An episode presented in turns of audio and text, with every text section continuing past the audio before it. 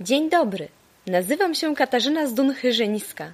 Jestem radcą prawnym z ponad dziesięcioletnim doświadczeniem w prowadzeniu spraw sądowych i przygotowywaniu umów w obszarze praw do nieruchomości. W dzisiejszym odcinku podcastu Prawo do nieruchomości opowiem Ci o podatku od zasiedzenia nieruchomości.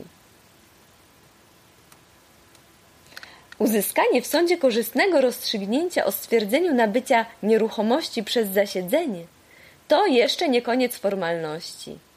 Tak naprawdę to dopiero początek szeregu spraw, które trzeba załatwić już poza sądem. Pierwszą z nich powinno być rozliczenie się z urzędem skarbowym. O nabyciu nieruchomości przez zasiedzenie musisz zawiadomić urząd skarbowy. Zasiedzenie podlega bowiem podatkowi od spadków i darowizn.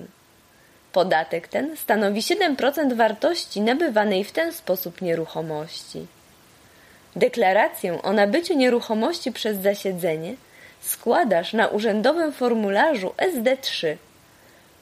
Na złożenie deklaracji i zapłatę podatku masz miesiąc od dnia, w którym postanowienie o stwierdzeniu zasiedzenia stało się prawomocne.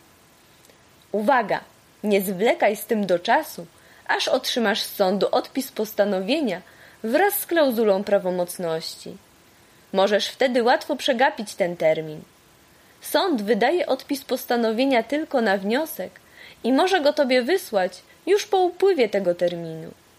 Dochowaj więc należytej staranności i sam ustal datę uprawomocnienia się rozstrzygnięcia sądu. Jeżeli sprawa zakończyła się prawomocnie w sądzie pierwszej instancji, datę uprawomocnienia się postanowienia ustal telefonicznie w sądzie. Jeżeli sprawa zakończyła się w sądzie drugiej instancji, orzeczenie jest prawomocne w dniu jego wydania.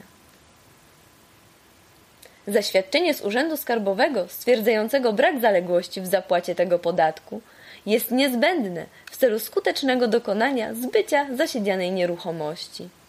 Notariusz nie może bowiem sporządzić umowy, sprzedaży czy darowizny takiej nieruchomości, gdy zaświadczenie nie zostanie mu przedstawione.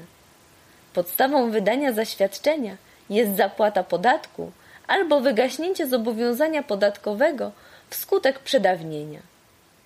Więcej dowiesz się z artykułów na moim blogu. Linki znajdziesz w opisie odcinka. Jeżeli ten odcinek był dla Ciebie wartościowy, oceń go w aplikacji podcastowej lub udostępnij w swoich mediach społecznościowych bądź mailowo. Jeżeli chcesz dowiedzieć się więcej, odwiedź mojego bloga katarzynazdun.pl. To wszystko na dzisiaj. Pozdrawiam Cię serdecznie. Do usłyszenia.